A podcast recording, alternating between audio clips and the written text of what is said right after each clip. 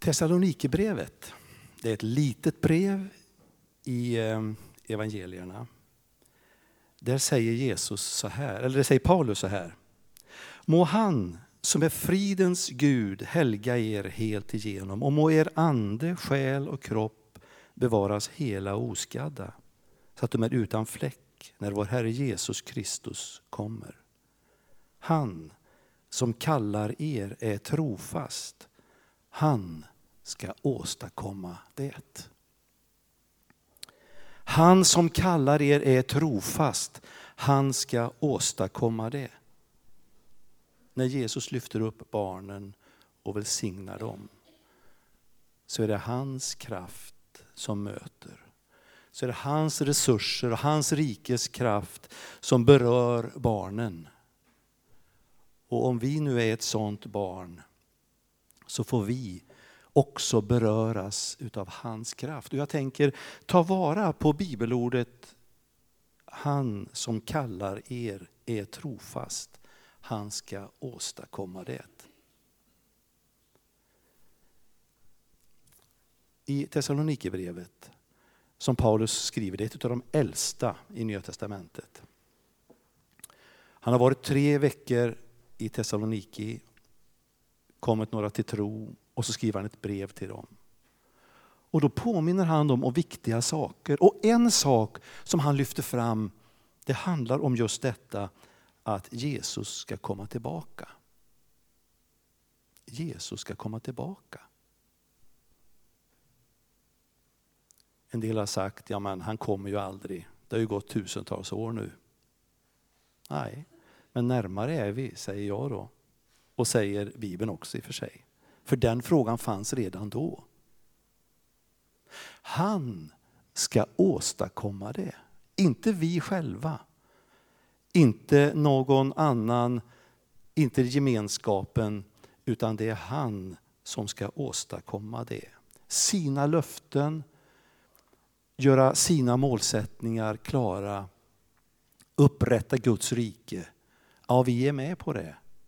Men det är han som ska åstadkomma det. Han är trofast. I hela Thessalonikerbrevet, du kan gå hem och läsa det sen. Det är fem kapitel. Det tog mig 12 minuter att läsa när jag räknade en gång för länge sedan. Det går snabbt att göra det. I varje kapitel, i slutet, så finns det en hänvisning till att Jesus ska komma tillbaka. I det första kapitlet så talas det om att vi ska både tjäna och vänta. Inte tänka så här att ja, men Jesus han ska nog komma tillbaka och ordna upp allt här i vår värld. Så jag kan liksom lägga armarna i kors. Nej, tjäna och vänta. Tjäna och vänta. Och det är ju det vi håller på med, eller hur? Vi har ju inte lagt armarna i kors i församlingen. Det handlar ju det här med kyrkbygge om till exempel. Söndagsskolan som håller på här, SIS-kören och mycket, mycket annat. Vi vill hålla på och tjäna medan vi väntar. För han som är trofast, han ska åstadkomma den där förändringen då Guds rike ska komma fullt ut. Vi kan lita på det. I det andra kapitlet så påminns vi om att eh, det ger resultat. Han är tacksam för dem som har kommit till tro. I det tredje kapitlet det påminns vi om att ni är på god väg, säger Paulus. Alltså ni har upplevt någonting och vad är det som ska kunna vara med och göra er ännu mera beredda på det spännande att Jesus ska komma tillbaka precis som han har varit här en gång förut. Jo, det som ska verka fram en förändring som gör att vi kan vara med i det, det är kärleken. Kärleken till varandra, säger han om dem i församlingen. Och kärleken till alla.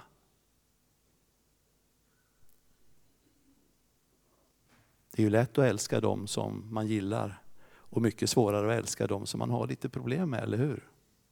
Men det är kärleken som är en kraft till förvandling som kan möta varje människa, ung eller gammal. I det fjärde kapitlet av Thessalonikerbrevet så står det ett långt stycke om ett svar på den fundering som de hade haft. Nu har ju människor kommit till tro. Men en del har dött.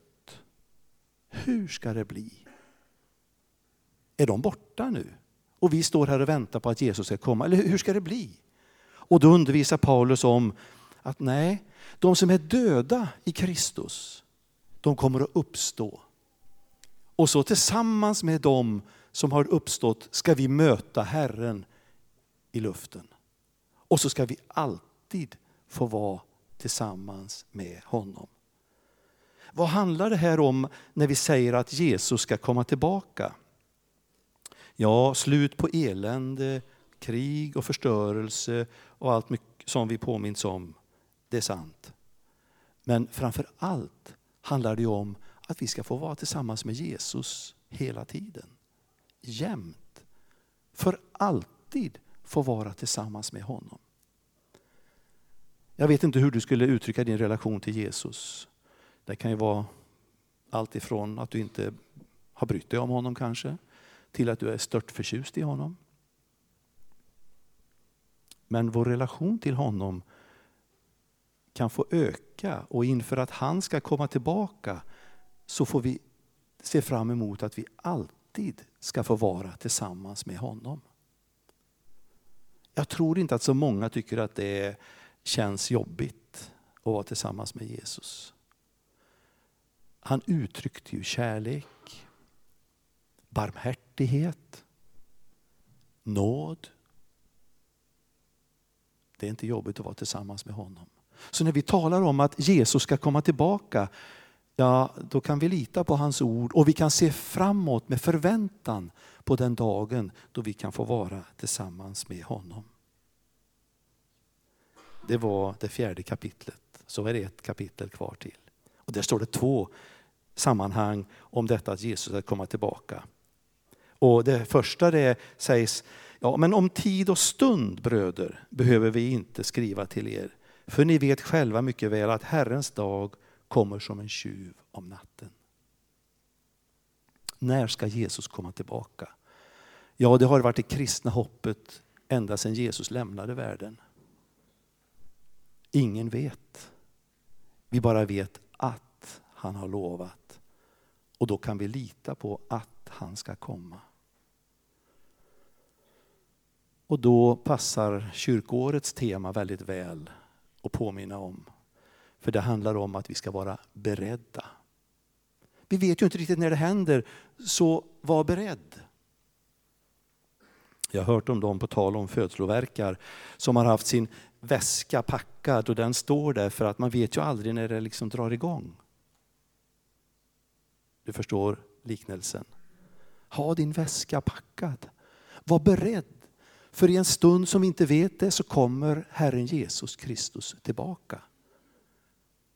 Och då om vi har räknat ut i förväg eh, eller inte, det är inte det viktiga. Det viktiga är att väskan är packad att vi är beredda. Och för övrigt säger ju skriften att det kan vi inte veta. Men en sak kan vi styra över och det är att vara beredd. Han är trofast. Han ska åstadkomma det. Han ska göra det. Och det sista stället i den här boken, det är det jag läste nyss. Må han som är fridens Gud helga er helt igenom. Känns det så för dig? Helga, det betyder ju avskilja eller inviga. Är du helt invigd, avskild för Herren Jesus Kristus?